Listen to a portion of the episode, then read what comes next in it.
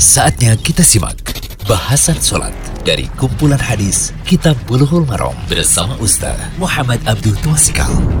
Alhamdulillah, salatu wassalamu ala rasulillah wa ala alihi wa sahbihi wasallam. Kali ini kita berada di audio ke-32 Bulughul Maram, Kitab Bulughul Maram dari kitab sholat tentang azan. Apakah yang kumandangkan azan? Apakah harus mengumandangkan iqamah? Yang kumandangkan azan apakah harus kumandangkan iqamah? Kita lihat dua hadis di dalam pembahasan ini. Hadis 199. Walahu an Ziyad bin Al-Harith radhiyallahu anhu qala qala Rasulullah sallallahu alaihi wasallam wa man azana fa huwa yuqim wa dha'afahu aidan. Dalam riwayatnya pula dari Ziyad bin Al-Harith radhiyallahu anhu berkata, Rasulullah sallallahu alaihi wasallam bersabda, Siapa yang mengumandangkan azan maka dialah yang mengumandangkan iqamah dilemahkan pula oleh Imam Tirmidzi. Takhrij hadis hadis ini dikeluarkan oleh Tirmidzi, Abu Daud, Ibnu Majah, Ahmad, Al-Baihaqi.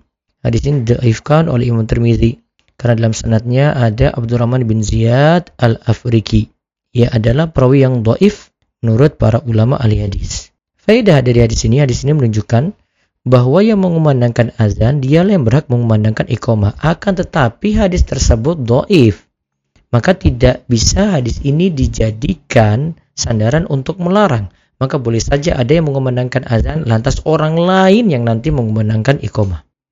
Kemudian hadis ke-200. Oleh Abi Dawud fi hadis Abdullah bin Zaid annahu qal ana ra'aituhu yakni al-adhan wa ana kuntu uridu qal fa akim anta wa fihi dha'fun aidan.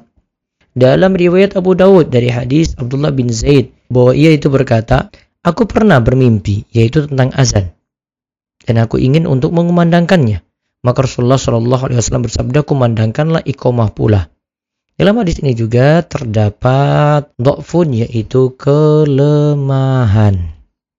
Penilaian hadis, hadis ini dikeluarkan oleh Abu Dawud dalam kitab As-Solah Bab ada yang kumandangkan azan lalu yang lain kumandangkan iqamah. Dan Ahmad. Syekh Abdullah Al-Fauzan mengatakan bahwa sanad di sini doif, lemah. Ada seorang perawi yang doif yang bernama Muhammad bin Amr Al-Waqifi. Dinyatakan doif oleh Ibnu Ma'in, Ibnu Al-Madini, Ibnu Qattan, dan Ibnu Adil Hadi. Lihat Minha Al-Allam. Faedah hadis yang mengumandangkan azan, afdolnya dialah yang mengumandangkan iqamah. Sehingga iqamah diperhatikan sebagaimana azan. Memang bisa seperti itu. Yang kemenangkan azan dia kemenangkan iqamah. Namun kalau yang lainnya pun tidak masalah. Wallahu a'lam bishawab. Demikian bahasan sholat dari kumpulan hadis Kitab Buluhul Marom bersama Ustaz Muhammad Abdul Tuasikal.